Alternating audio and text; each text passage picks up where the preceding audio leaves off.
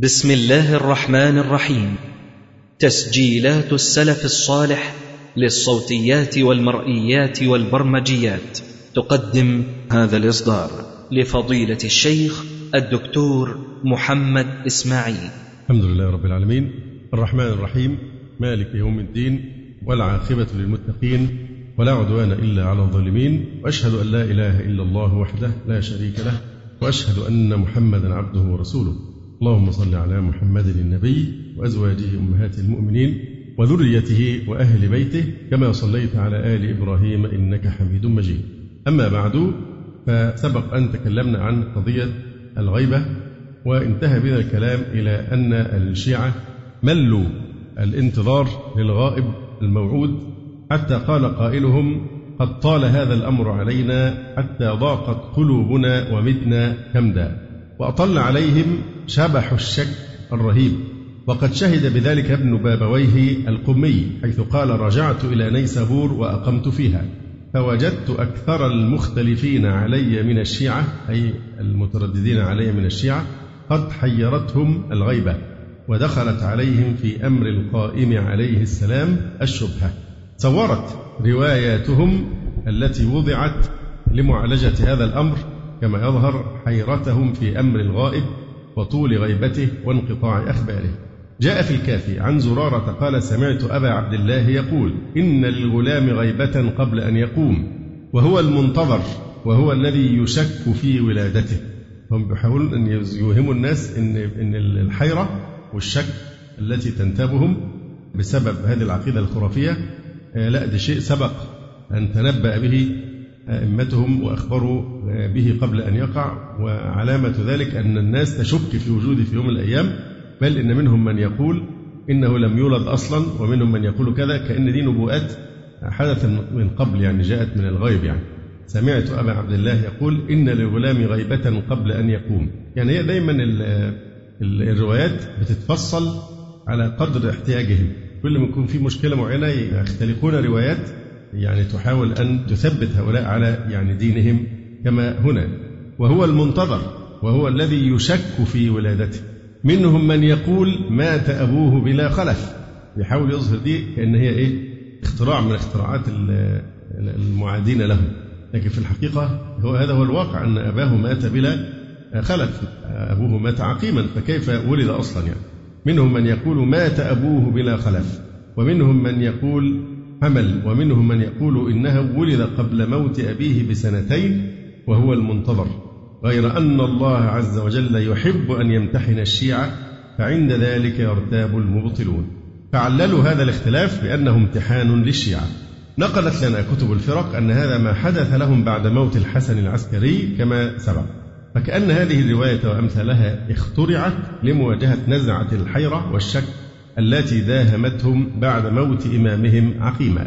أكثر من الروايات التي تجري هذا المجرى وتصور واقعهم أبلغ تصوير. فقد جاء في الكافي لا والله لا يكون ما تمدون إليه أعينكم حتى تغربلوا. لن يحصل خروج المهدي؟ حد ما إيه؟ تغربلوا. لا والله لا يكون ما تمدون إليه أعينكم حتى تمحصوا. لا والله لا يكون ما تمدون إليه أعينكم حتى تميزوا.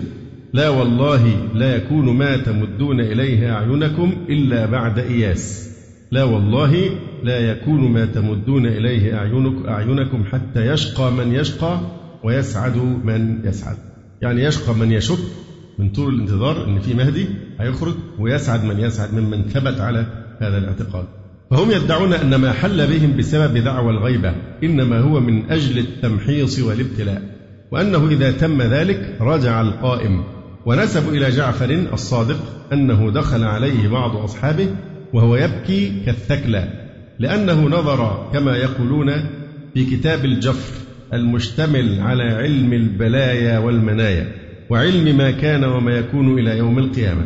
فقال تأملت فيه مولد قائمنا عليه السلام وغيبته وإبطاءه وطول عمى وبلوى المؤمنين من بعده في ذلك الزمان وتولد الشكوك في قلوب الشيعة من طول غيبته وارتداد أكثرهم عن دينه كأنه بيبكي متأثرا بمثل هذا.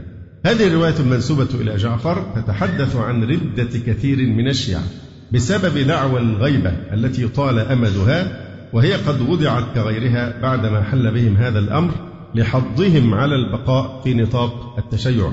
وذلك بدعوى أن هذا أمر أخبرت به الأئمة وهو من أمارات رجعة الإمام المفقود. شهد شيخهم النعماني وهو من شيوخ القرن الثالث وممن عايش واقع الشيعة في الفترة المبكرة لدعوى الغيبة. فشهادته هنا في غاية الأهمية. شهد اللي هي فترة بداية خروج فكرة الإيه؟ الغيبة. فشهد بشك جميع الشيعة في أمر الغيبة إلا القليل. يقول فإنا رأينا طوائف من العصابة المنسوبة إلى التشيع المنتمية إلى نبينا محمد وآله صلى الله عليه وسلم ممن يقول بالإمامة قد تفرقت كلمتها وتشعبت مذاهبها واستهانت بفرائض الله عز وجل وخفت إلى محارم الله تعالى فطال بعضهم غلوا وانخفض بعضهم تقصيرا وشكوا جميعا إلا القليل في إمام زمانهم وولي أمرهم وحجة ربهم للمحنة الواقعة بهذه الغيبة. وقد أخذ بعضهم يلعن بعضا ويبرأ منه ويشهد عليه بالكفر. كما تصور ذلك رواية النعماني التي تقول لا يكون الأمر الذي ينتظر يعني لن يقع الأمر اللي هو خروج المهدي. لا يكون الأمر الذي ينتظر حتى يبرأ بعضكم من بعض ويدفل بعضكم في وجوه بعض. فيشهد بعضكم على بعض بالكفر ويلعن بعضكم بعضا. وجعلت الرواية هذه الظاهرة الخطيرة خيرا لأنها مؤذنة بخروج القائم. فقالت الخير كله في ذلك الزمان. خير في الزمان الليل يلعن بعضكم بعضا ويدفل بعضكم في وجوه بعض ويكفر بعضكم بعض. بيقول لك إيه؟ الخير كله في ذلك الزمان يقوم قائمنا ويدفع ذلك كله. فيبدو من خلال هذه النصوص أن محدثي الشيعة عملوا على مواجهة هذه النكسة بوضع هذه الروايات على أهل البيت وجعلوها تشير إلى ما يلحق الشيعة من التمحيص والابتلاء والردة عند وقوع الغيبة وذلك من أجل إغرائهم بالبقاء داخل نطاق التشيع الإمامي. ورغم هذه الاعترافات والشهادات فإن فكرة الغيبة التي اضطرت الإمامية للقول بها قد أحدثت هزة عنيفة زلزلت كيان التشيع الإمامي وكادت أن تؤدي إلى سقوطه بذهاب أتباعه ورغم ذلك فإنهم يقولون في روايتهم لو علم الله أنهم يرتابون ما خيب حجته طرفة عين. أنا أشك أن كلمة ما غيب حجته طرفة عينها بالغين والله أعلم. يقول فأي ريبة أشد من شك الجميع إلا القليل ومن التفرق والتلاعن؟ ويلاحظ كثرة التكذيب للغيبة من لدن الشيعة ولا سيما في مراحل نشأتها. ولعل السبب يعود إلى وضوح كذبها لمن عاصرها وعايش ظروفها. فلذلك في بداية نشأة فكرة الغيبة كان هناك كثيرون يعني إيه ممن يكذبون بمبدأ الغيبة لأن كانت البداية الموضوع مكشوف أن هو كذب. ولذلك فقد نشط مؤسس هذه الفكرة لسد الثغرات التي تهب عليهم منها رياح الشك وتسديد الفجوات التي تتضح منها صورة الكذب.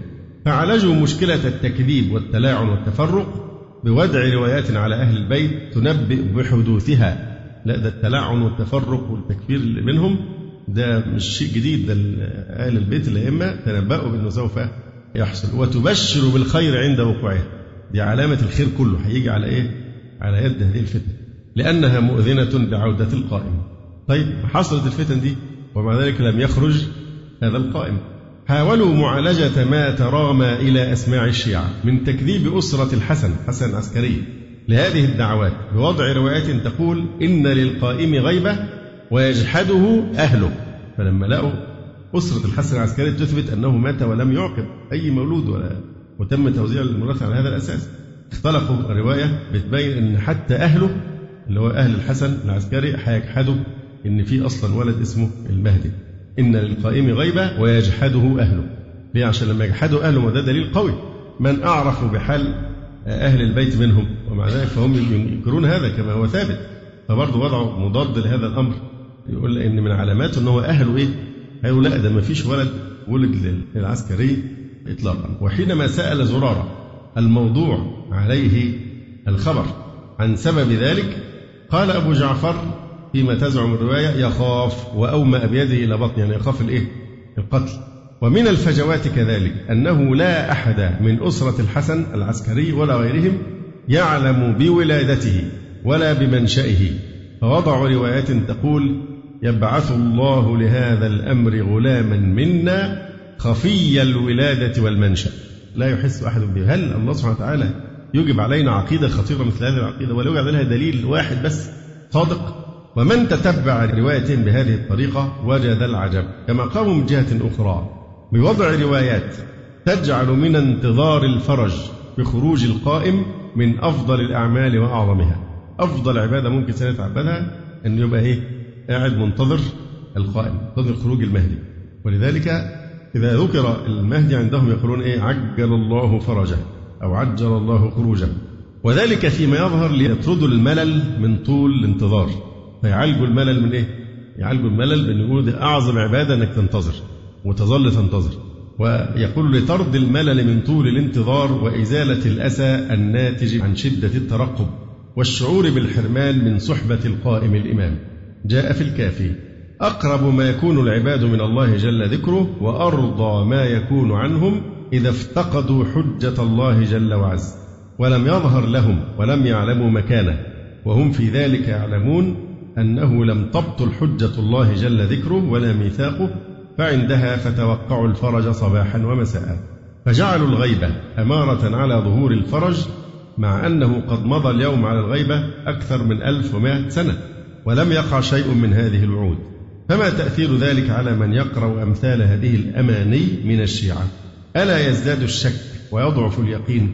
وقد يبحث عن مذهب آخر سوى الإسلام لأنه قيل له زورا وبهتانا إن هذا المهدي الموعود متفق عليه بين السنة والشيعة ولهم روايات كثيرة في عقيدة الانتظار ذكر المجلسي منها سبعا وسبعين رواية في باب عقده بعنوان باب فضل انتظار الفرج ومدح الشيعة في زمن الغيبة وما ينبغي فعله في ذلك الزمان.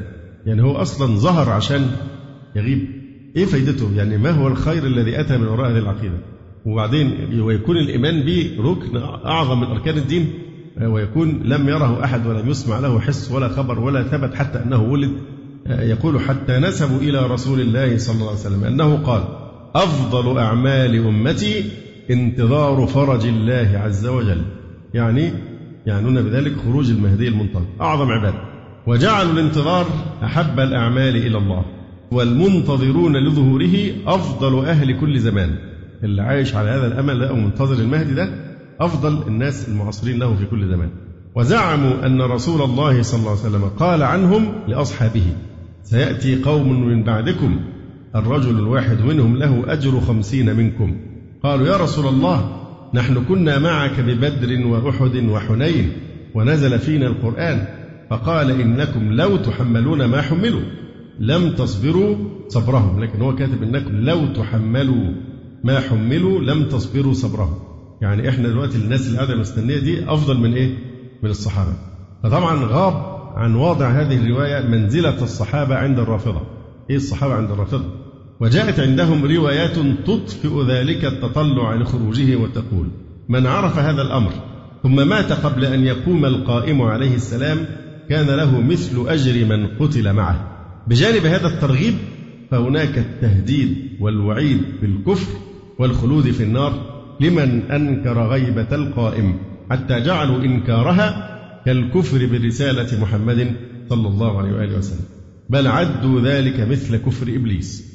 وروى صدوقهم بسنده المزعوم عن ابن أبي يعفور قال قال أبو عبد الله عليه السلام من أقر بالأئمة من آبائي وولدي وجحد المهدي من ولدي كان كمن أقر بجميع الأنبياء وجحد محمدا صلى الله عليه وآله.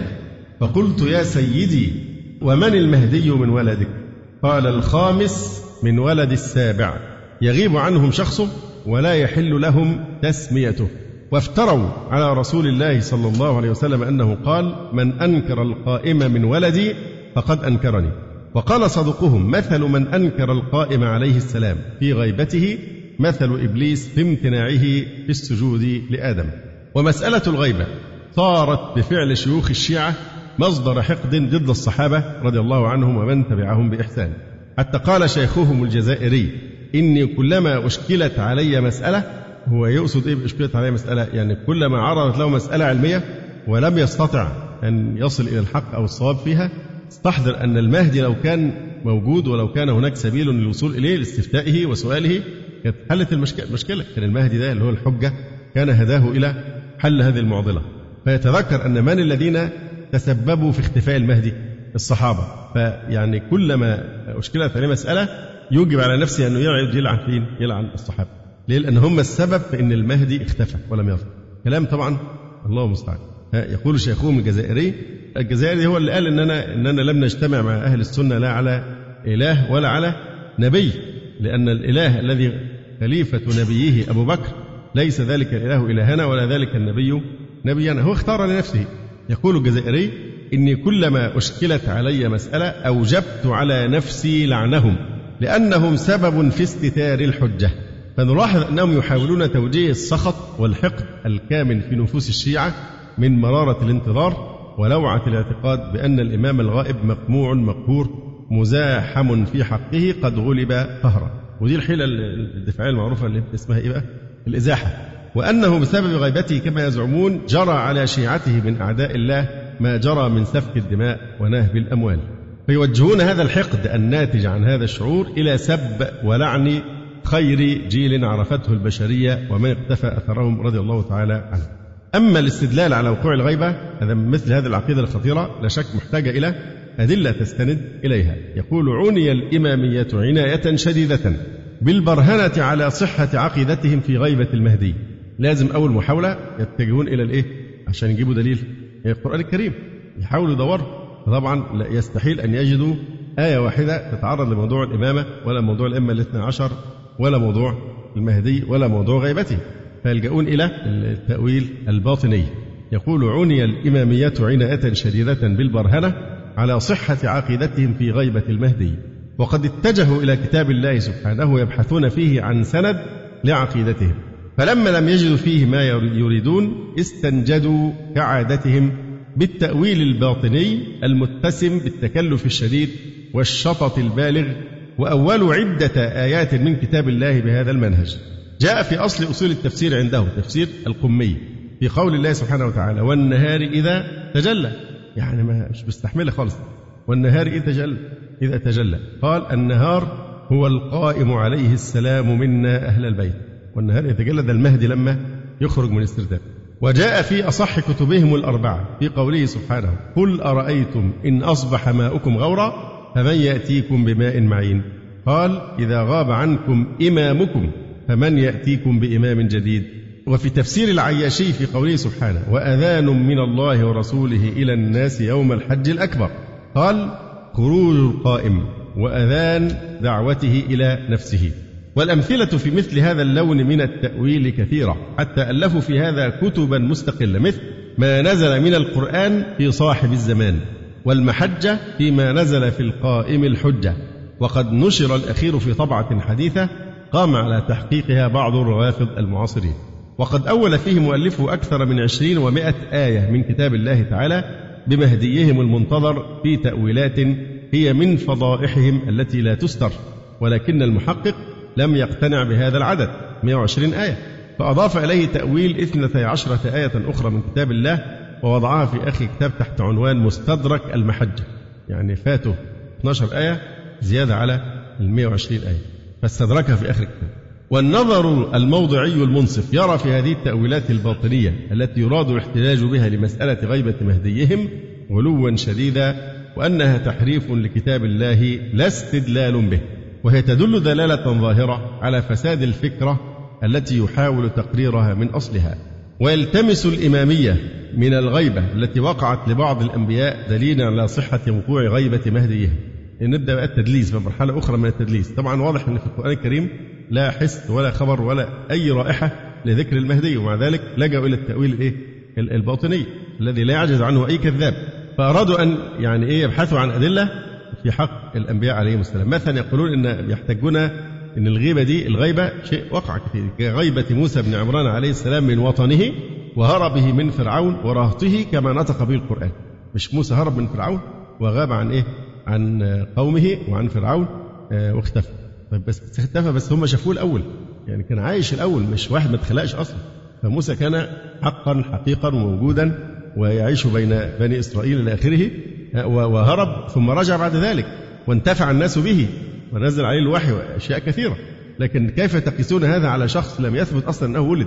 وغيبة يوسف عليه السلام واستتار خبره عن أبيه كما جاء ذلك في القرآن الكريم.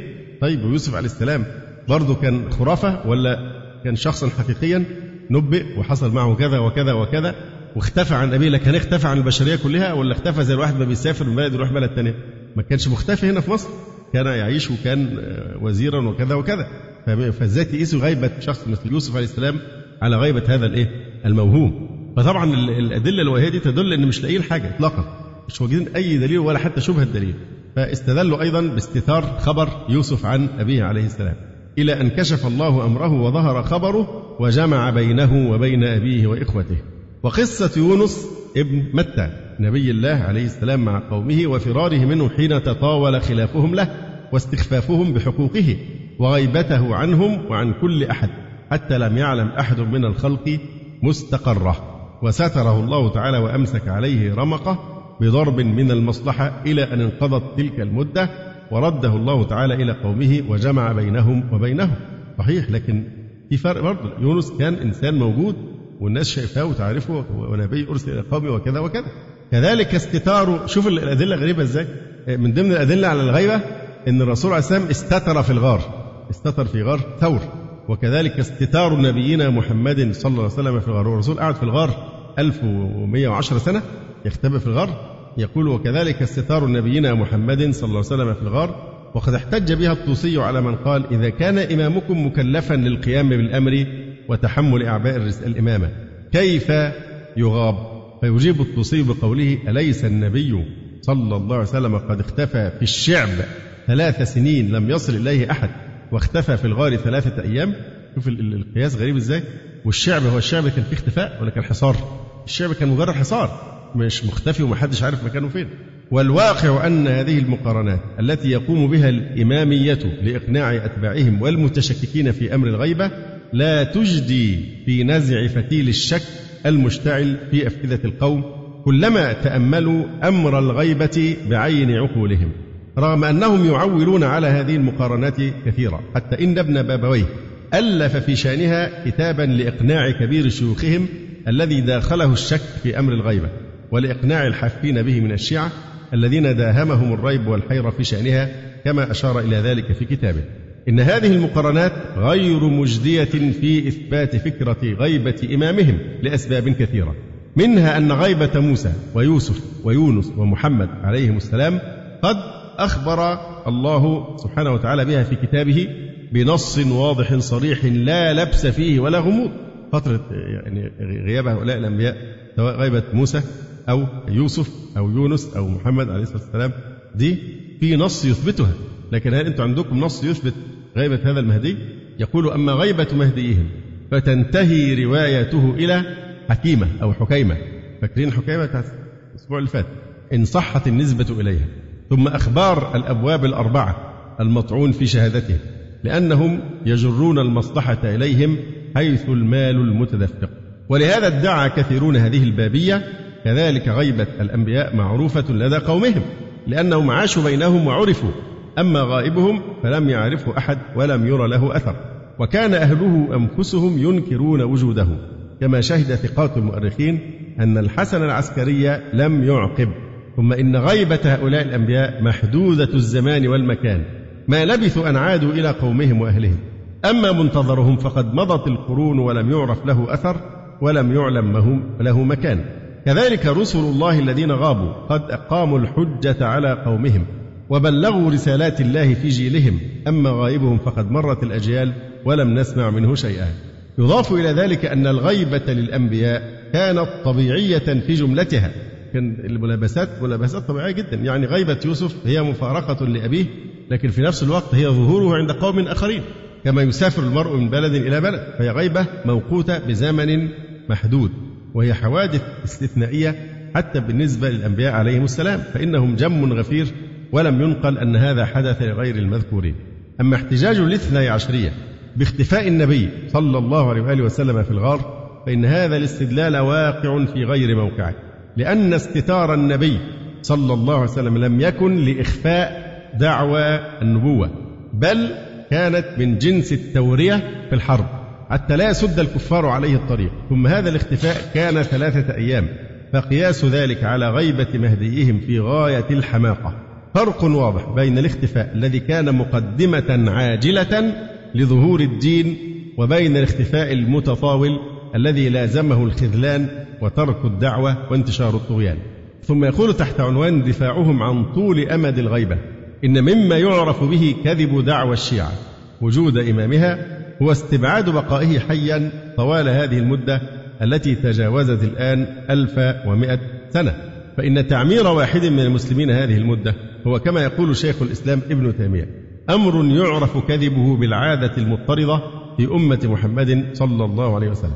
فلا يعرف أحد ولد في زمن الإسلام عاش مئة وعشرين سنة فضلا عن هذا العمر. وقد ثبت في الصحيح عن النبي صلى الله عليه وسلم أنه قال في آخر عمره أرأيتكم ليلتكم هذه؟ فإن على رأس مئة سنة منها لا يبقى على وجه الأرض ممن هو اليوم عليها أحد. فمن كان في ذلك الوقت له سنة ونحوها لم يعش أكثر من مئة سنة قطعا. وإذا كانت الأعمار في ذلك العصر لا تتجاوز هذا الحد فما بعده من الأعصار أولى بذلك في العادة الغالبة العامة. ثم أعمار هذه الأمة ما بين الستين إلى السبعين كما صح عن النبي صلى الله عليه وسلم وقليل من يجوز ذلك.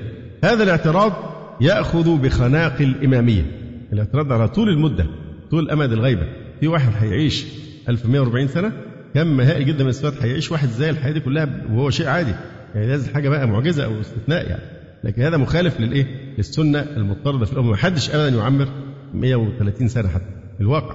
فهذا الاعتراض يأخذ بخناق الإمامية ويجتث جذور اعتقادهم من أساسه وقد حاول شيوخ الشيعة دفعه بإجراء مقارنات بين مهديهم وبعض الأنبياء عليهم السلام الذين زادت أعمارهم عن المعدل الطبيعي المألوف للبشر.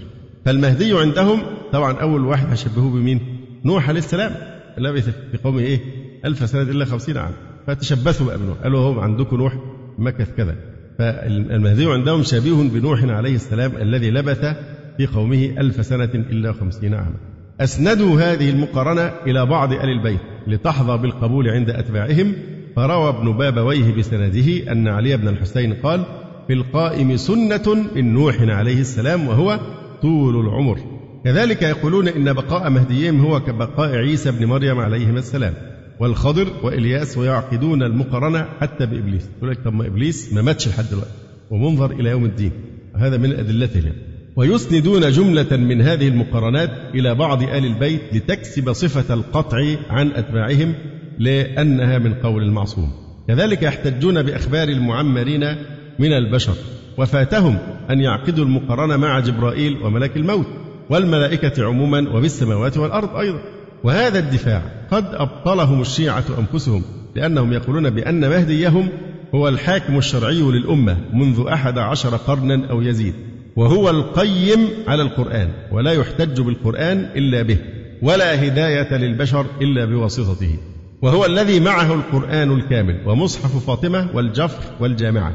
وما يحتاجه الناس في دينهم ودنياهم فمهديهم مسؤول عن الأمة. ومعه وسائل هدايتها وسعادتها في الدنيا والآخرة. أما غيره ممن يعقدون المقارنة به فيختلفون عنه اختلافا كثيرا. فإن نوحا عليه السلام قد لبث في قومه ألف سنة إلا خمسين عام. لبث في قومه يعني عايش مع قومه. ما كانش غايب ولا مختبئ. لبث فيهم يعني إيه؟ في فرق كبير جدا بين واحد عاش مع الناس يرونه ويحسونه وواحد أصلا عبارة عن خبر آه، لا تدرى له حقيقة. يقول نوحا عليه السلام لبث في قومه ألف سنة إلا خمسين عاما يدعوهم إلى الله سبحانه وتعالى. حتى أوحى الله إليه أنه لن يؤمن من قومك إلا من قد آمن. ولم يكن غائبا في سردابه أو في مخبئه لا يعلم مستقره ولا مكانه. يرى الناس في ضلالهم وكفرهم ويتوارى عن الأنظار فلا يرونه مع تعاقب الأجيال وكر القرون على أن عمر المهدي الآن قد زاد عن هذه المدة. تجاوز إيه؟ اللي هي 950 سنة. كذلك عيسى عليه السلام قد بلغ رسالة ربه وأقام الحجة وأدى الأمانة قبل رفعه إلى السماء. فلم يكن يضير أتباعه أن يغيب عنه لأنه بلغهم رسالة الله بخلاف منتظرهم الذي غاب منذ طفولته وترك شيعته يختلفون في وجوده وبابيته وتعميهم التقية عن معرفة حقيقة مذهبه ويختلفون ويتنازعون حتى يكفر بعضهم بعضا ويلعن بعضهم بعضا. أما الخضر وإلياس فإن الذي عليه المحققون من أهل العلم أنهما قد ماتا وعلى تقدير حياتهما فلا تسلم لهما المقارنة لأنهما ليس بمكلفين في هداية هذه الأمة وقيادتها بخلاف إمامهم الذي هو مسؤول في اعتقادهم عن المسلمين جميعا في كل أمورهم. يعني تخيلوا لو واحد مش هنقول بقى مسؤول عن الناس اللي في البشر في الكرة الأرضية كلها لا وحتى رئيس دويلة صغير رئيس دويلة ومش هنقول برضه ما اتولدش ولا حد شافه لا ده ملك الحكم ومن ثاني يوم اختفى عدله خمسين سنة بس ولا يحكم ولا يعاقب ولا يثيب ولا له أي وظيفة مجرد هو خبر بس. هل هذا يعقل؟ يبقى إيه ما فائدة يعني وجوده في هذا المنصب أو في تعبير أدق شغور المنصب تماما لا منه ولا من غيره. ومعاه كل أسباب الهداية والسعادة للأمة وهي لا تنتفع منه بشيء. فما بالك بمثل هذا الذي يعتبر عدم الإيمان بوجوده عندهم كفرا خروجا من الملة؟ كأنك كذبت بنبوة محمد صلى الله عليه وسلم. أما إبليس فالخبر في بقائه ورد به القرآن. الله سبحانه وتعالى اخبر أنه أنظر إبليس إلى يوم الوقت المعلوم. هذا في دليل في القرآن الكريم. إذا إن أبيتم إلا المقارنة بإبليس. لكن إبليس فيه خبر في القرآن الكريم بخلاف مهديهم الذي أنكره حتى أهله وطوائف من شيعته. ثم إن إبليس هل إبليس هرب من أداء مهمته ولا شغال في الإضلال؟ الوظيفة بتاعت إبليس هو نشيط جدا فيها.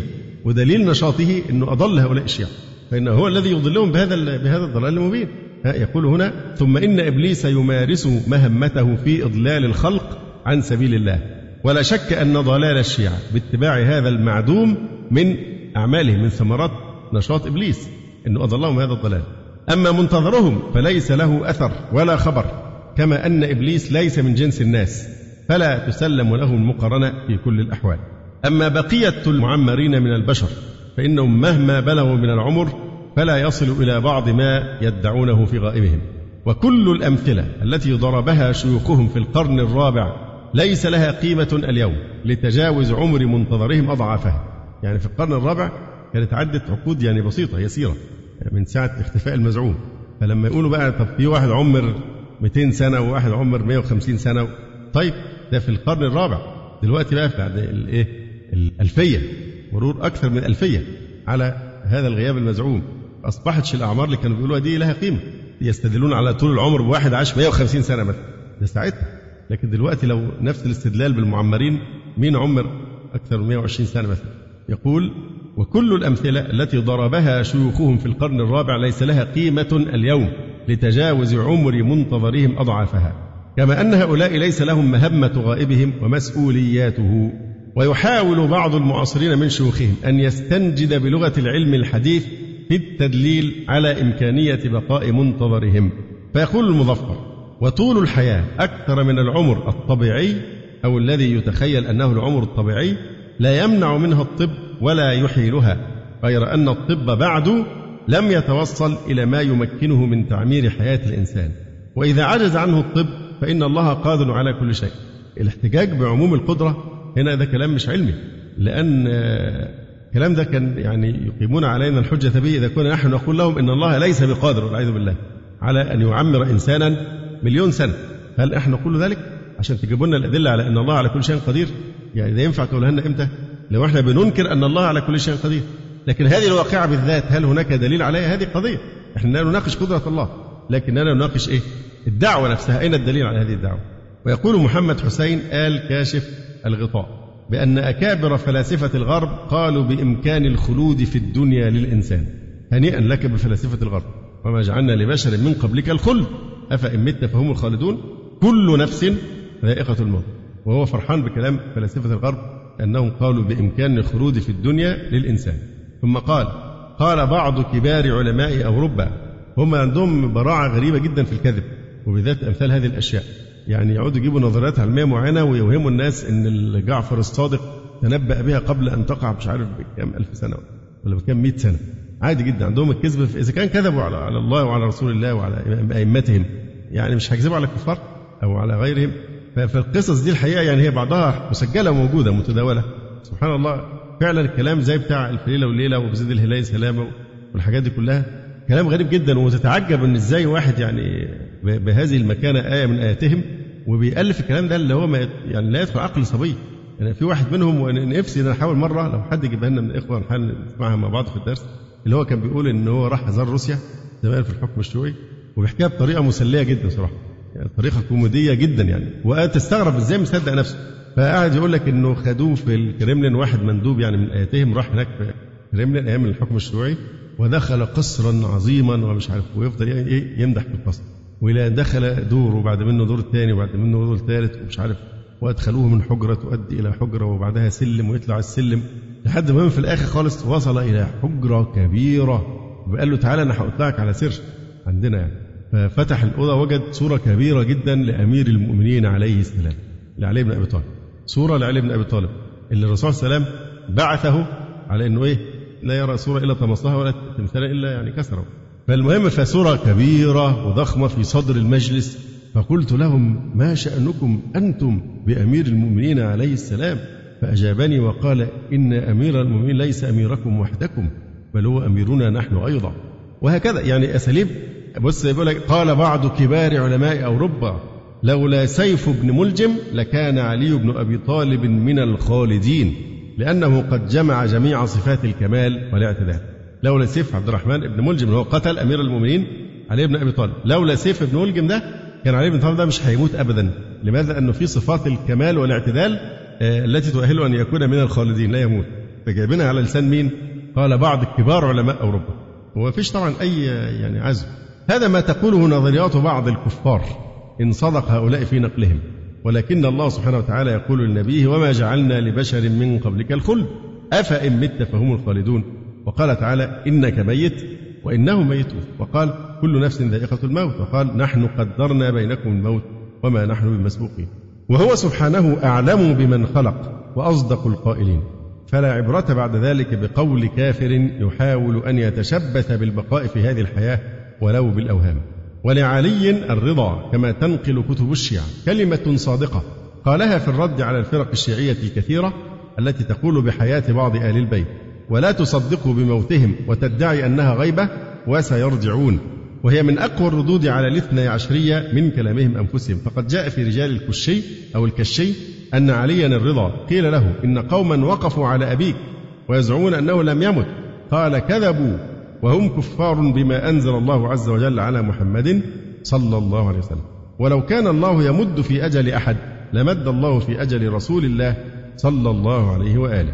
ولكنهم يخالفون قول إمامهم ويزعمون أن الله مد في عمره لحاجة البشر إليه بل لحاجة الكون وكل شيء في الحياة إليه إذ لولاه كما يفترون لساخت الأرض وماجت بأهلها ننتقل إلى فصل خطير جدا وهو الكلام على المهدي بعد عودته المزعومة من كتبهم أيضا.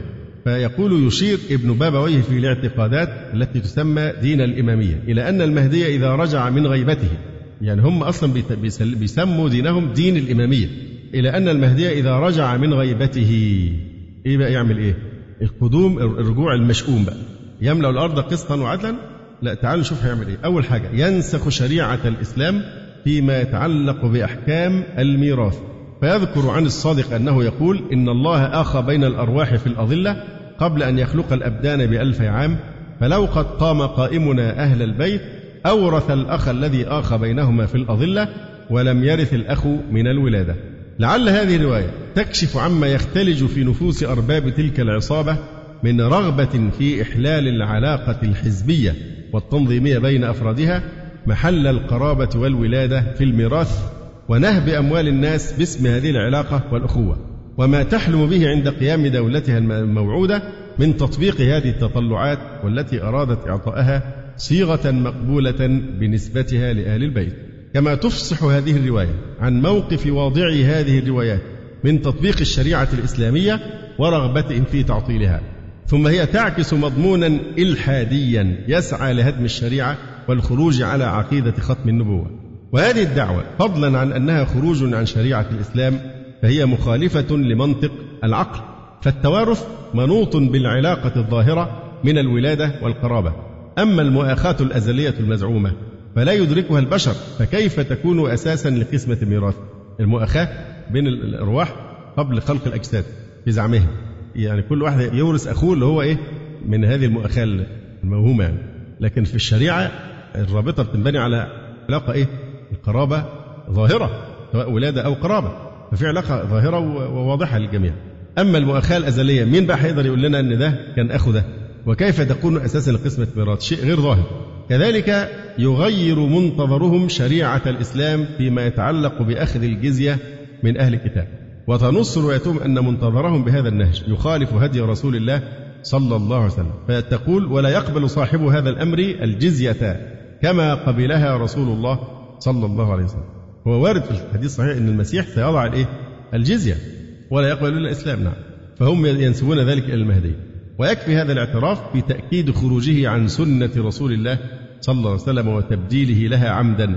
فهل أراد واضع هذه الروايات أن يهون من شأن التشريع الإسلامي في نفوس الأتباع ويغري بالخروج عليه؟ بل إن الحكم والقضاء في دولة المنتظر. وهذه الكارثة يقام على غير شريعة المصطفى صلى الله عليه وسلم. جاء في الكافي وغيره. قال أبو عبد الله إذا قام قائم آل محمد حكم بحكم داود وسليمان ولا يسأل بينه. شريعة إيه؟ ولاد العم بني إسرائيل اليهود. شريعة داود وسليمان. تخيلوا هذا؟ المهدي إذا خرج سيحكم بشريعة إيه؟ داود وسليمان ولا يسأل بينه. وفي لفظ آخر إذا قام قائم آل محمد حكم بين الناس بحكم داود عليه السلام ولا يحتاج إلى بينة. فقد تبنى ثقة إسلامهم الكليني هذه العقيدة وبوب لها بابا خاصا بعنوان باب في الأئمة عليهم السلام أنهم إذا ظهر أمرهم حكموا بحكم داود وآل داود ولا يسألون البينة ولا يخفى ما في هذا الاتجاه من عنصر يهودي ولهذا علق بعضهم على هذا العنوان بقوله أي ينسخون الدين المحمدي ويرجعون إلى دين اليهود بئس للظالمين بدلا. وانظر كيف يحلم واضع هذه الروايات الذين لبسوا ثوب التشيع زورا وبهتانا بدولة تحكم بغير شريعة الإسلام. وتشير بعض رواياتهم أيضا إلى أنه يحكم بحكم آدم مرة ومرة بحكم داود ومرة بقضاء إبراهيم ولكن يعارضه في هذا الاتجاه للحكم بغير شريعة الإسلام بعض أتباعه إلا أنه يواجه هذه المعارضة بشدة حين يأمر بهم فتضرب أعناقهم. اللي هيعترض أن لماذا يعطل شريعة الإسلام؟ تضرب أعناقهم تقدم روايتهم بعض أحكامه وأقضيته فتقول إنه يحكم بثلاث لم يحكم بها أحد قبله. يقتل الشيخ الزاني ويقتل مانع الزكاة ويورث الأخ أخاه في الأظلة. في الأظلة قبل إيه؟ قبل خلق الأبدان. وأنه يقتل من بلغ العشرين ولم يتفقه في الدين. وتقوم دولة المنتظر على الحكم لأهل كل دين بكتابهم. تسامح بقى. العولمي آه، وأن الإسلام لم يجز لأحد أن يحكم بغير شريعة القرآن باتفاق المسلمين. جاء في أخبارهم إذا قام القائم قسم بالسوية وعدل في الرعية واستخرج التوراة وسائر كتب الله تعالى من غار بأنطاكية حتى يحكم بين أهل التوراة بالتوراة وبين أهل الإنجيل بالإنجيل وبين أهل الزبور بالزبور وبين أهل القرآن بالقرآن. يعني كأن القرآن لم ينسخ إيه؟ هذه الشرائع السابقة ولا حول ولا قوة إلا وهذا القانون الذي يطمح إلى تطبيقه واضعو هذه الروايات ويعدون بتنفيذه على يد المنتظر هو شبيه إلى حد كبير بفكرة الديانة العالمية التي ترفع شعارها الماسونية وهي فكرة إلحادية تقوم أساسا على إنكار الأديان السماوية تحت دعوى حرية الفكر والعقيدة. وفي حومة هذه الأفكار التي تسعى لنسخ شريعة القرآن وابتداع أحكام جديدة لم يأذن بها الله. والرجوع إلى حكم داود لا شريعة محمد صلى الله عليه وسلم. وتطبيق شرائع الأديان لا حكم القرآن.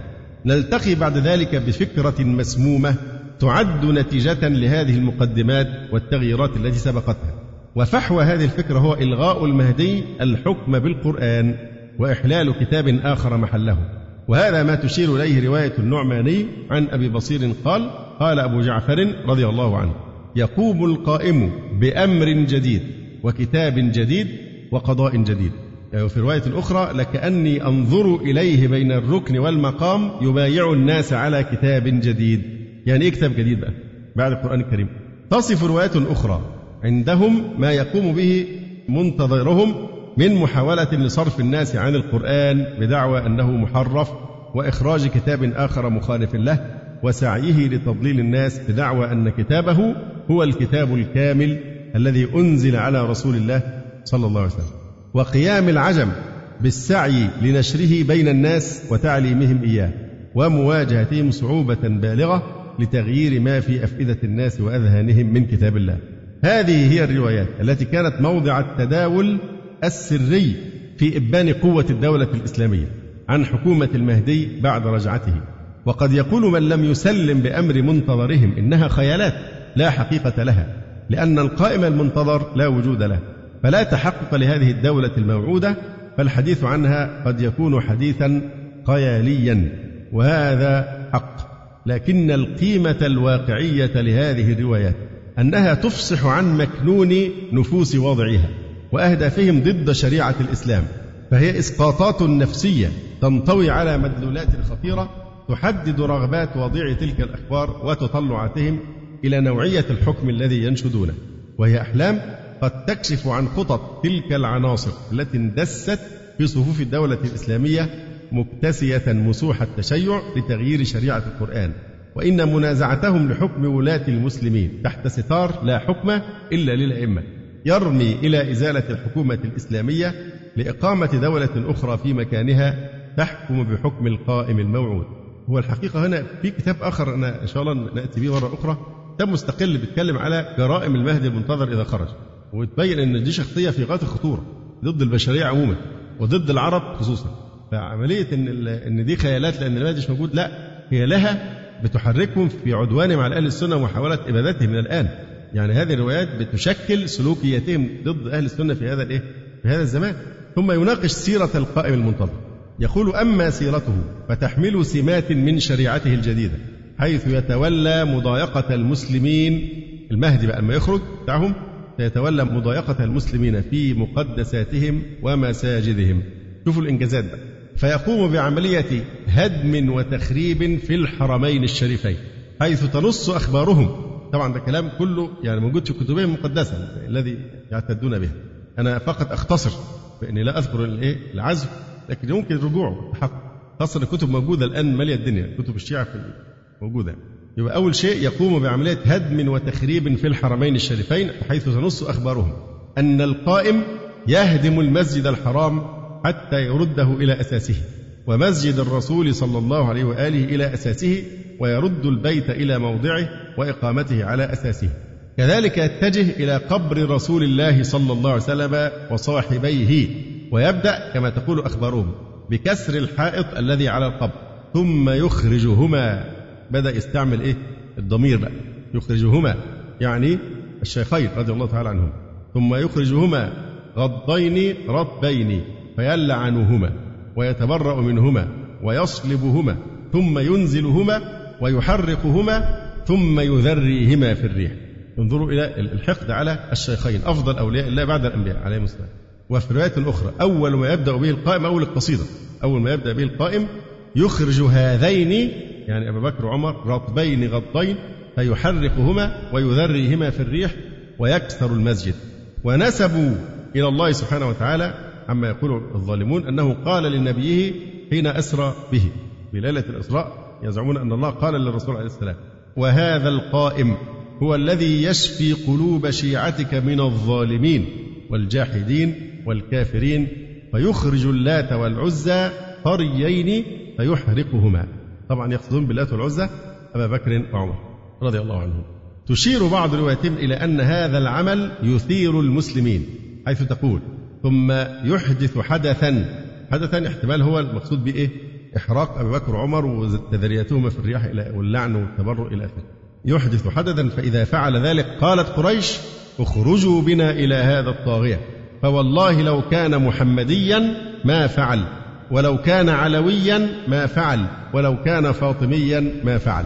قال شيخهم وفخرهم بيلقبوه بكلمة فخر الأمة المجلسي لعل المراد بإحداث الحدث إحراق الشيخين الملعونين. والعياذ بالله. فلذا يسمونه عليه السلام بالطاغية. ولا يخفى أن هذه الوعود بصنائع المنتظر التي تطفح بها روايتهم إنما تنم عن دخائل نفوسهم وما تكنه صدورهم من مناوئة لدين الإسلام وسعي في الكيد له حتى يتمنوا أن تتاح لهم فرصة لهدم الحرمين ونبش القبرين الطاهرين وحينما يحسون بعجزهم عن ذلك عن تحقيق ذلك كتاب قوة الدولة الإسلامية آنذاك يعزون أنفسهم ويعللونها ويشفون غيظ قلوبهم على الإسلام ورواده الذين فتحوا ديارهم وأزالوا ملكهم ونشروا الإسلام بينهم بهذه الأحلام والآمال فهي تكشف في الحقيقة ماذا يتمنون تحقيقه لو واتتهم فرصة الحكم والتسلط ولذلك فإن المعاصرين منهم يتمنون فتح مكة والمدينة كما جاء على ألسنة آياتهم ليحققوا أحلامهم التي أفصحت عنها أخبارهم. ويمكرون ويمكر الله والله خير الماكرين. ولم يكتف منتظرهم بهذا. بل إنه يقوم بقتل عام شامل للجنس العربي واستئصال وجوده. مذابح للعرب استئصال للجنس العربي عموما. الحقد فارسي مجوسي. حكيت لكم أنا المناظرة بين مساوي هذا اللي هو بينافس نجاد وبين نجاد مناظرة تلفزيونية. فمساوي من الأشياء اللي واخدها على نجاد إيه؟ يقول أنت يعني أهنت كرامة الأمة الإيرانية. لماذا؟ لأنه حضر مؤتمر مجلس دول التعاون الخليجي فبيقول له حضرت تحت عنوان مجلس دول التعاون الخليجي العربي مش مسمينه الفارسي. فأنت كده أهنت كرامة إيران. فالتاني رد قال لا كان مكتوب مجلس التعاون الخليجي. مش كاتبين الخليج الإيه؟ فدي كانت من أحد نقاط الخلاف. يعني أي مسلم حتى لو نرى أي أعجمي من باكستان من الهند من بنجلاديش أي مكان حنينه إلى اللغة العربية. يعني ما تكاد تقف على مسلم غير عربي مخلص يعني إلا وأعظم أمنية عنده أن يتعلم اللغة العربية ويعتز بالعروبة اللي هي لها ارتباط وثيق بالإسلام. ويحب العرب لأن النبي عربي عليه الصلاة والسلام. لكن آه، انظر لهذه النزعة المجوسية الفارسية العنصرية. هذا المهدي إذا خرج يقوم بمذابح استئصال إبادة للجنس العربي بالذات. ولذلك فإن أخبارهم تعد العرب بملحمة على يد غائبهم. ده المهدي لما يجي يقيم لكم الإيه؟ للعرب المذابح. فهذه الملحمة لا تبقي ولا تذر على رجل أو امرأة ولا صغير ولا كبير بل تأخذهم جميعا فلا تغادر منهم أحدا. يروي النعماني عن الحارث بن مغيرة وذو ريح المحاربي قال قال أبو عبد الله عليه السلام ما بقي بيننا وبين العرب إلا الذبح. جنس العرب يعني. إلا الذبح. وكأن روايتهم هذه لا تفرق بين من يتشيع وغيره. لكن تؤكد أخبارهم أنه لن يتشيع أحد من العرب للقائم. ولهذا تحذر منهم فتقول اتق العرب فإن لهم خبر سوء أما إنه لم يخرج مع القائم منهم واحد. كل العرب ما فيش شخص واحد سيخرج ينصر الإيه؟ المهدي. ولكن في الشيعة من العرب كثير غير أن أخبارهم تقول إنهم سوف يمحصون فلا يبقى منهم إلا النزر اليسير. وتقول روايتهم بأن القائم يبهرج سبعين قبيلة من قبائل العرب. بهرج الدماء يعني أهدرها. يهدر آه، دماء سبعين قبيلة من قبائل العرب. الأنكى والأشد يخصون من العرب مين؟ قريشا بالذات قريش ويخصون قبيلة رسول الله صلى الله عليه وسلم. قريشا التي منها صفوة أصحابه. بالذكر التفصيلي لعمليات القتل التي يجريها عليهم القائم. ففي الإرشاد للمفيد عن عبد الله بن المغيرة عن أبي عبد الله عليه السلام قال إذا قام القائم من آل محمد أقام خمسمائة من قريش فضرب أعناقهم ثم أقام خمسمائة فضرب أعناقهم ثم خمسمائة أخرى حتى يفعل ذلك ست مرات. قلت ويبلغ عدد هؤلاء هذا؟ قال نعم منهم ومن مواليهم. يعني اللي يشدد لهم كمان. ما دام له علاقه بالايه؟ بالعرب. ولا يخفى أن تخصيص العرب بالقتل يدل على تغلغل الاتجاه الشعوبي لدى واضعي هذه الروايات. وهي تبين مدى العداوة للجنس العربي. نحن نعتقد أن الجنس العربي أفضل أجناس البشر. لماذا؟ لأن الرسول عليه السلام دي مش ناحية عرقية أو تعصب عرقي. لا لأن لأن الرسول أخبر بأن الله اصطفى قريشا. حديث الاصطفاء المعروف. فنحن نؤمن بأن الجنس العربي لانتساب الرسول صلى الله عليه وسلم إليه كجنس القاعدة أن أكرمكم عند الله أتقاكم. لكن هذا ما يعني بينه شيخ الإسلام تيمية في الصراط المستقيم فمن أحب الإسلام أحب العرب لأنهم هم الذين حملوا هذا الدين. هناك ارتباط وثيق جدا بين العروبة وبين الإسلام كما هو معلوم. يقول وهي أي هذه الروايات تبين مدى العداوة للجنس العربي لدى مؤسس الرفض والرغبة في التشفي منهم بقتلهم. وذلك في حقيقة الأمر. لا يعود لجنسيتهم بل للدين الذي يحملونه. ولا تنسى روايتهم أن تخص البيت النبوي الطاهر ببائقة من بوائق منتظرهم حيث يزعمون أن أم المؤمنين عائشة الصديقة بنت الصديق رضي الله عنهما حبيبة رسول الله صلى الله عليه وسلم. قبل يوم القيامة تبعث من قبرها المهدي هيخرجها من قبر الرجعة. قبل يوم القيامة وذلك لأنها ارتكبت كما يفترون حدا في عهد رسول الله صلى الله عليه وسلم ولكن رسول الله لم يقم عليها الحد كما يزعمون مع أنه هو الذي يقول عليه الصلاة والسلام ويم الله لو أن فاطمة بنت محمد سرقت لقطعت يدها وحاشاها رضي الله تعالى عنه. يعني عند رواية هذا الحديث من الأدب أن نقول وقد صانها الله من ذلك. رضي الله عنه. وقد أخذته الرحمة بها. يعني يزعمون أن الرسول صلى الله عليه وسلم لم يقم عليها الحج وأخذته الرحمة بها مع أن الله سبحانه وتعالى يقول ولا تأخذكم بهما رأفة في دين الله إن كنتم تؤمنون بالله. فلم يقم عليها الحد ولكن قائمهم يتولى تنفيذ ما عجز أفضل الخليقة عن تنفيذه والعياذ بالله. وذلك في عصر الرجعة المزعوم كما يفترون. وهذا يعني نص هذه الأسطورة. المنسوبة لأبي جعفر يقول أما لو قام قائمنا لقد ردت إليه الحميراء. ده لقب عائشة رضي الله عنها. حتى يجلدها الحد وحتى ينتقم لابنة محمد فاطمة عليها السلام منها. قلت جعلت في ذاك ولما يجلدها الحد؟ قال لفريتها على أم إبراهيم صلى الله عليه. يزعمون أنها افترت على أم إبراهيم اللي هي ماريا. قلت فكيف أخره الله للقائم عليه السلام؟ فقال له إن الله تبارك وتعالى بعث محمدا صلى الله عليه وآله رحمة وبعث القائم عليه السلام نقمة. ثم علق على ذلك شيخهم المعاصر بنص يبين الفرية المدعومة وأن عائشة قالت كما يفترون إن إبراهيم ليس منك وإنه ابن فلان القبطي وأن الرسول صلى الله عليه وسلم كلف عليا برجمها اللي هي ماريا ولكن عليا اكتشف براءتها. يعني بجملة الكذب يعني على الله والطعن في القرآن. يعني دي من ضمن جرائمهم الكبرى. فهذا يعني أن القائم أكمل من خاتم النبيين صلى الله عليه وسلم وأقدر على تحقيق دين الله ممن أرسل قدوة للعالمين صلى الله عليه وآله وسلم. وهذا ما صرحت به أخبارهم يعني حتى احترامهم لمقام النبوة في خلل فظيع جدا. روى شيخهم ابن باباي عن أبي بصير قال قال أبو عبد الله عليه السلام في قوله عز وجل هو الذي أرسل رسوله بالهدى ودين الحق ليظهره على الدين كله ولو كره المشركون. فقال والله ما نزل تأويلها بعد ولا ينزل تأويلها حتى يخرج القائم عليه السلام. أي أن القائم سيحقق ما عجز عنه الأنبياء. وهذا ما صرح به بعض شيوخهم الكبار عندهم في هذا العصر واستنكره العالم الإسلامي. دي حادثة كانت حصلت في عهد عدو الله الخميني حينما خطب خطبا يوم من الأيام في عيد ميلاد المهدي. عرفوا إزاي عيد ميلاد المهدي؟ هو مين يقدر يثبت تاريخ الميلاد بتاعه؟ هو أصلا اتولد فكانوا عاملين حفلة عيد ميلاد بتاعته فالخميني ألقى خطبة يعني هو إحنا أهل السنة بنفيق على هيئة نبضات وبنرجع ننسى تاني وهكذا إلى إلى المصيبة التي بعدها. فكان برضو الناس في ذروة انخداعه بالخميني فالخميني يعني إيه لم يصبر على التقية ويتطاول على مقام الرسول عليه السلام على الملأ. يعني الخطبة عمت العالم كله وقلبت الدنيا. صرح في هذه الخطبة في يوم من الأيام قال إن المهدي سينجح فيما فشل فيه رسول الله صلى الله عليه وسلم. قال أن الرسول عليه السلام والعياذ بالله كان محاطا بمجموعة من الزنادقة والمنافقين صحابة. فدول شلوه ما خلوش عارف يعمل حاجة. لكن المهدي حينما يخرج سوف ينجح في إقامة الدين الأمر الذي ينسبون إلى الرسول عليه وسلم هذا الوصف الفظيع. يقول ذلك أنهم يزعمون أن ما عند القائم أضعاف ما عند الأنبياء من العلم.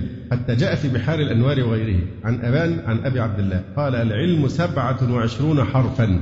فجميع ما جاءت به الرسل حرفان. فلم يعرف الناس حتى اليوم غير الحرفين. فإذا قام قائمنا أخرج الخمسة والعشرين حرفا. فبثها في الناس. وضم إليها الحرفين حتى يبثها سبعة وعشرين حرف. نفتكر لو الناس اللي فاكرة الحادثة الرهيبة التي حصلت في الحرم الشريف. حينما كانوا بداية الثورة دايما كل سنة كانوا ينكدوا على المسلمين في الحج بحجة إيه؟ الموت لأمريكا والهتافات السياسية. وفي موسم عرفات ما كانش الناس تعرف تحج خالص من الدوشة بتاعتهم. مظاهرات وهتافات ما لهمش علاقة بعرفات خالص. الناس واقفة عايزة تدعي ربنا وتبتهل ودول شغالين مظاهرات. طبعا عندهم قدرة غريبة في التنظيم والأشياء دي. وللأسف الشديد حكيت يعني في ذلك الوقت. كذا مرة فكان كل مرة كانوا يملؤون الشوارع بملايين. النسخ من فتوى الشيخ شلتوت حتى يخدعوا بها المسلمين والفتوى المشؤومة. فكانوا يوزعون على جميع الناس كل من يمشي في الطريق لابد أن يحصل على فتوى الشيخ شلتوت للأسف والتي فيها أنه يجوز التعبد بمذهب الجعفرية الاثنى عشرية ويجوز الانتقال إلى هذا المذهب وعلى المسلمين أن يتركوا الإيه؟ الخلافات والنزاعات إلى آخره. حصل في مرة من المرات صدام شديد جدا بين الحجاج يعني ما كانش فقط بين الشرطة السعودية كان الحجاج أهل السنة كانوا بيضربوا الناس في الشوارع وحصل مقتلة ضخمة جدا. حصل مئات من القتلى من الطرفين في داخل مكة المكرمة في موسم الحج بحجة إن هم يقيموا ثورة ضد أمريكا وعايزين يحولوا الحج إلى موضع إيه؟ لهذا النشاطات السياسية يعني. لكن الناس بتنسى. لو نتذكرها بنعرف حقيقة الشيعة ولا نخدع بها. إن في وقت من الأوقات حولوا مكة إلى نيران يعني. لو لو قدرتم تشوفوا بعض الوثائق هتجدوا تسجيلات لهذه المذابح التي فعلوها داخل مكة بحجة الإيه؟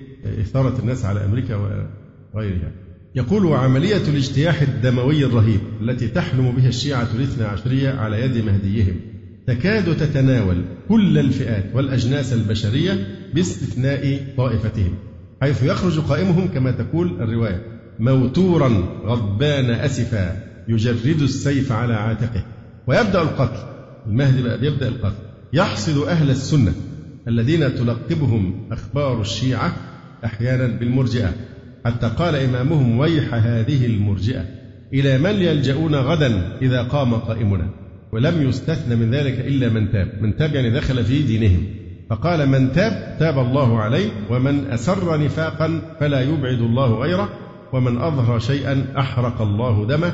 ثم قال يذبحهم والذي نفسي بيده كما يذبح القصاب الجزار شاته وأومأ بيده إلى حلقه هو ده اللي هيعمله مع أهل السنة. وتسميهم أحيانا بالنواصب وتقول فإذا قام القائم عرضوا كل ناصب عليه فإن أقر بالإسلام وهي الولاية. ولاية إيه؟ آل البيت المهدي. إن أقر بالإسلام وهي الولاية وإلا ضربت عنقه. أو أقر بالجزية فأداها كما يؤدي أهل الذمة. لكن بعض رواياتهم تقول بأن الجزية لا تقبل منهم كما تقبل من أهل الذمة. فقد سئل إمامهم عن وضع أهل الذمة في دولة القائم فقال يسالمهم كما سالمهم رسول الله صلى الله عليه وآله ويؤدون الجزية عن يد وهم صغيرون أما غيرهم من المخالفين للرافضة فقال فيه ما لمن خالفنا في دولتنا من نصيب إن الله قد أحل لنا دماءهم عند قيام قائمنا.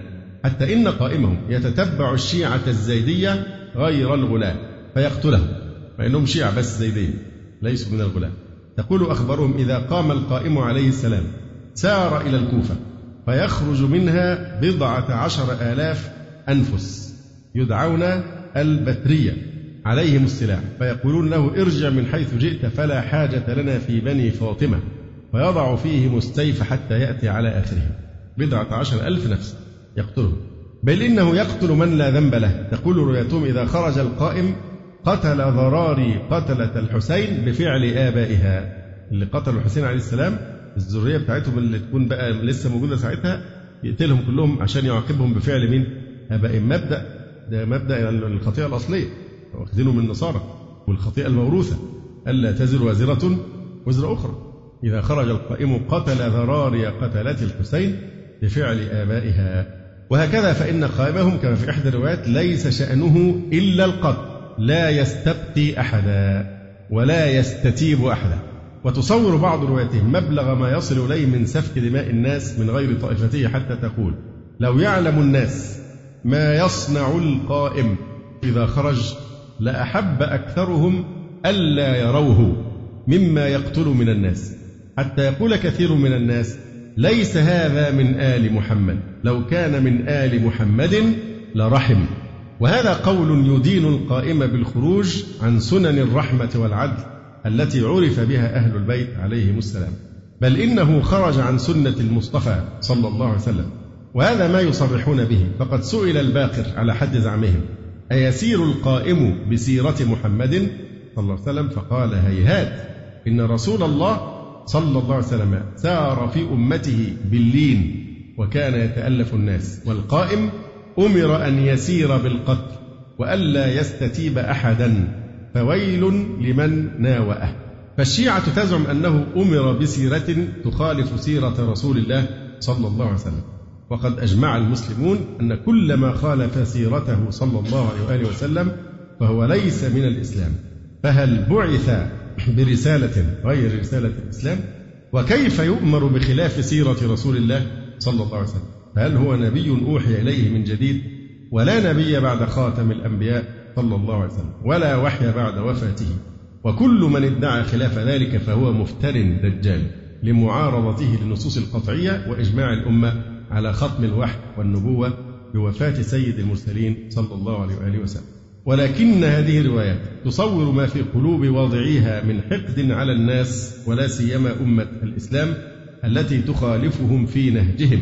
وأنهم يتمنون يوما قريبا آتيا يحققون فيه هذه الأحلام التي تكشف حقيقتها هذه الروايات ويترجمها واقع الشيعة في العهد الصفوي وفي دولة الآيات القائمة وفي منظماتهم في لبنان. وطبعا ما كانتش حصلت لسه يظهر موضوع العراق لأن موضوع العراق هو أحدث فصل في جرائمهم ضد أهل السنة.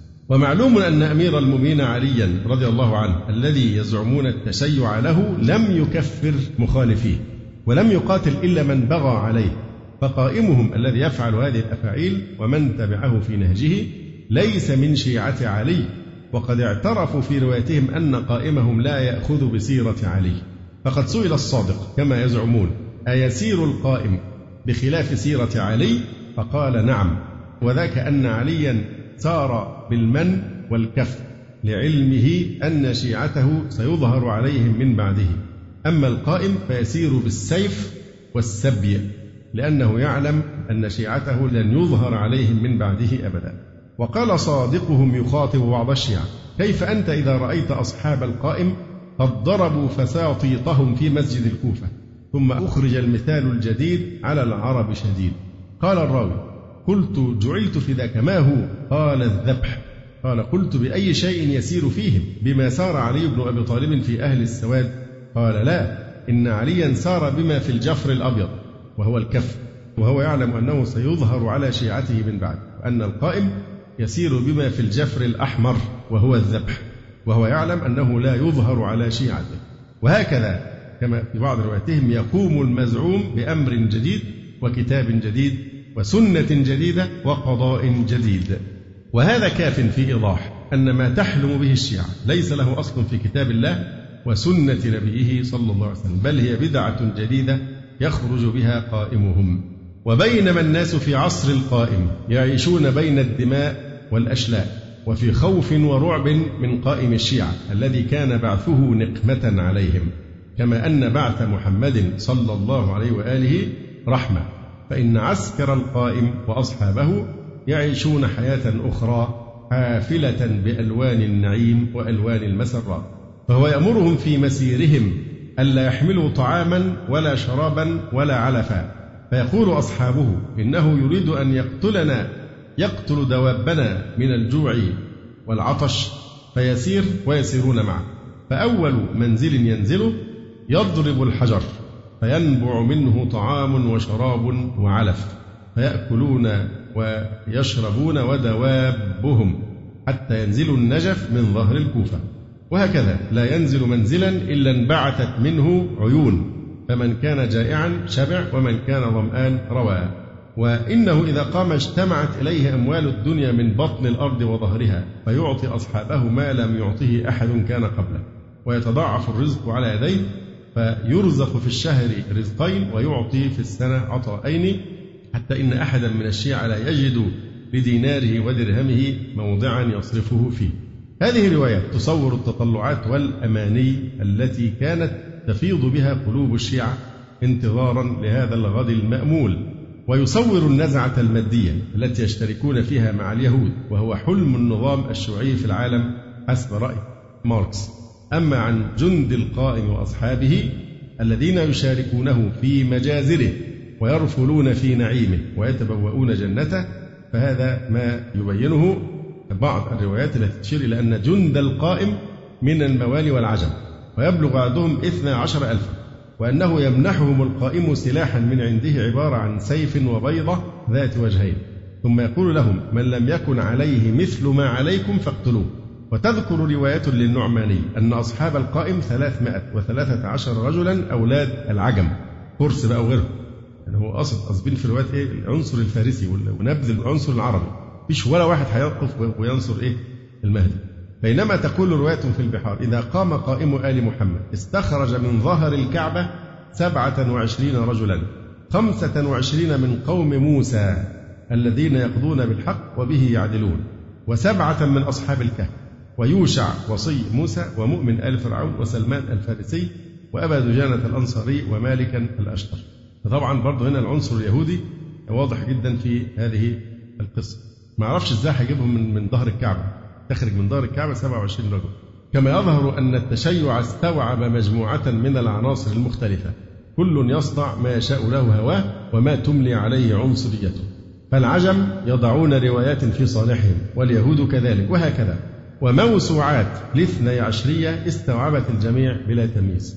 جاء في بعض أخبارهم البيان التفصيلي لأسماء جند المهدي واحدا واحدا أسميهم وموطن كل جندي أو قبيلته أو حرفته في رواية طويلة منها قوله ومن أهل الشام رجلين يقال لهما إبراهيم ابن الصباح ويوسف ابن جريا فيوسف عطار من أهل دمشق وإبراهيم قصاب من قرية سويقان ومضى في ذكرهم على هذا النسق حتى ذكر ثلاثة عشر وثلاثمائة رجلا ليبلغ بهم عدة أهل بدر.